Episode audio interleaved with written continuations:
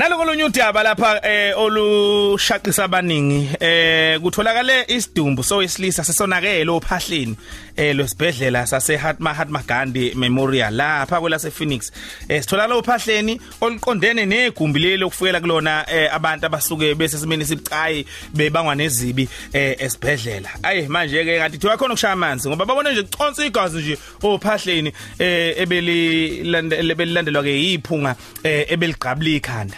Ayi bafowethu simemekela owakwa Department of Health khona lapha ke kwaZulu. Eh kuzasichazele kabanzi ngalolu daba. Udokotela ke uMusa Gumede. Sinaye ke emsakazweni nje manje okachaza ukuthi ngempela ngempela. Le ndaba iyenzeka kanjani into enjengale sikubingelele eh dokotela uGumede sikwamukele kuZN FM eh ngiyabonga kakhulu eh ngibingelele lapha ekuseni Dr Gomede ngokubika kwabezindaba kuthiwa eh isiguli lesi singene ophahleni e casualty ward. Kuthiwa kusonakala ukuthi ke uthe mayisengene lapho ophahleni ndlela thizeni kwangabe kusaphumeka wase eshonela lapho ke njoba egcine setholakala lapho. Ngabe lokho kubikwa yikona kuyiqiniso ngempela? Eh sisinongwebo eh siyabonga kakhulu ukuthola ithuba lokucacisa lokho eh njengamanje udaba lusemaphoyiseni eh kodwa esikwaziyo ukuthi em lesi sidumbe sisitholile eh sicabanga ukuthi esomlisa thizeni eh owaliduka esibhedlela level kuMeyi.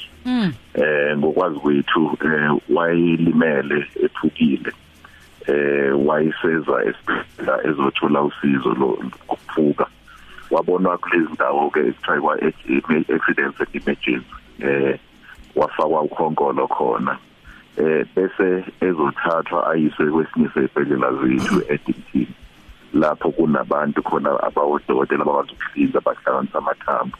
Ngakho kwengesona isiguli esasizolala esibhedlela eh wayisiyaduka eh ngaleso sikhathi kwangazwa uzakala kahle noma ugodukile eh noma kwenzekile. Kwase kubikelwa ke abamndeni kwase kubikelwa namaphoyisa ukuthi lesi siguli sethu bese sisintethe sosithwala sisise kwesinye isibhedlela sasifuni eh sagcina udaba sigcine lapho sinamazi ukuthi ushone ngakuphi.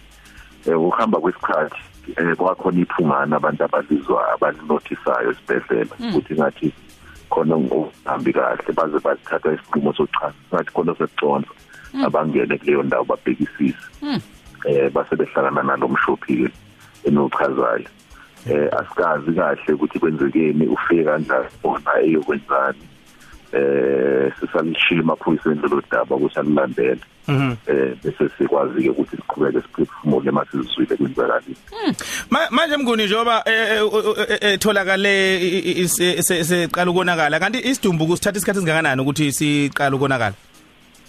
Ekuyanezimo eh siyashesha sona impela uma kungekho okulokho kuyimakhaza okusenza ukuthi ama fluids lawa abambeke.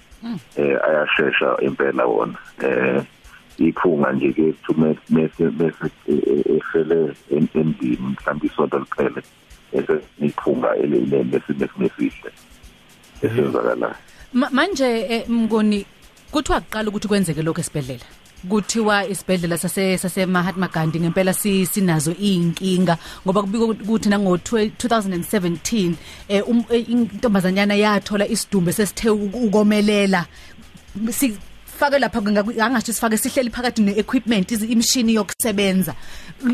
Kuthanda ukuthusa ngempela ngempela ngempela.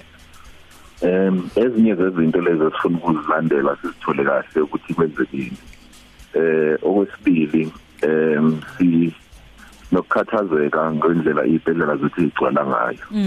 Em siye sithole abantu besile eindaweni engafanele behlele abantu kuzona kodwa ngokugcwala kwezibhedlela sithole sesinabantu abalele endaweni efanele eyabantu abangena abaphuma bese singakwazi ukwazi ukuthi ubani okhona banongekho eh ezinye zezinto esidinga ukuzilungisa ukuthi uma kukhona abantu abazolala mhlambe ngoba imibhedi ingasekho endaweni lapho kungafanele ngempela kulela abantu benendlela ukwazi bangobani khona sobona noma engasekho umuntu noma ekhona.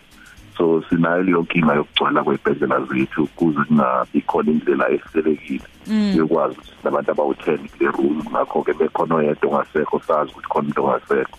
Ngenxa yokuthi abanye babantu bagcina befile emabhentshini isikhathi eside ngenxa yokugcwala kwempela yeah. Kuzwakala kahle kakhulu eh Dr. Gomede sibonga kakhulu ukuthi usiboleke isikhathi sakho sikwazi ukuthi sithole ukuthi kubeqhubukalani sithemba ukuthi uma sekuphumile ke imphumela yalo ke uphenyo sophinde sibe nalithuba lokuthi size ukuthi nihambe nagcina phi. Sibonga kakhulu. Eh sibonga kakhulu eh sibonge nakumndeni eh sixolise futhi eh, ngalokho kwesile esibhedlela sengathi bangaduduzeka emndenini. Okay mfethu sibonga kakhulu. Udokotela kuMusa Gumede lo besikhuluma naye ke eh, khulumela ke umnyango wezempilo lapha kwelakithi kwaZulu.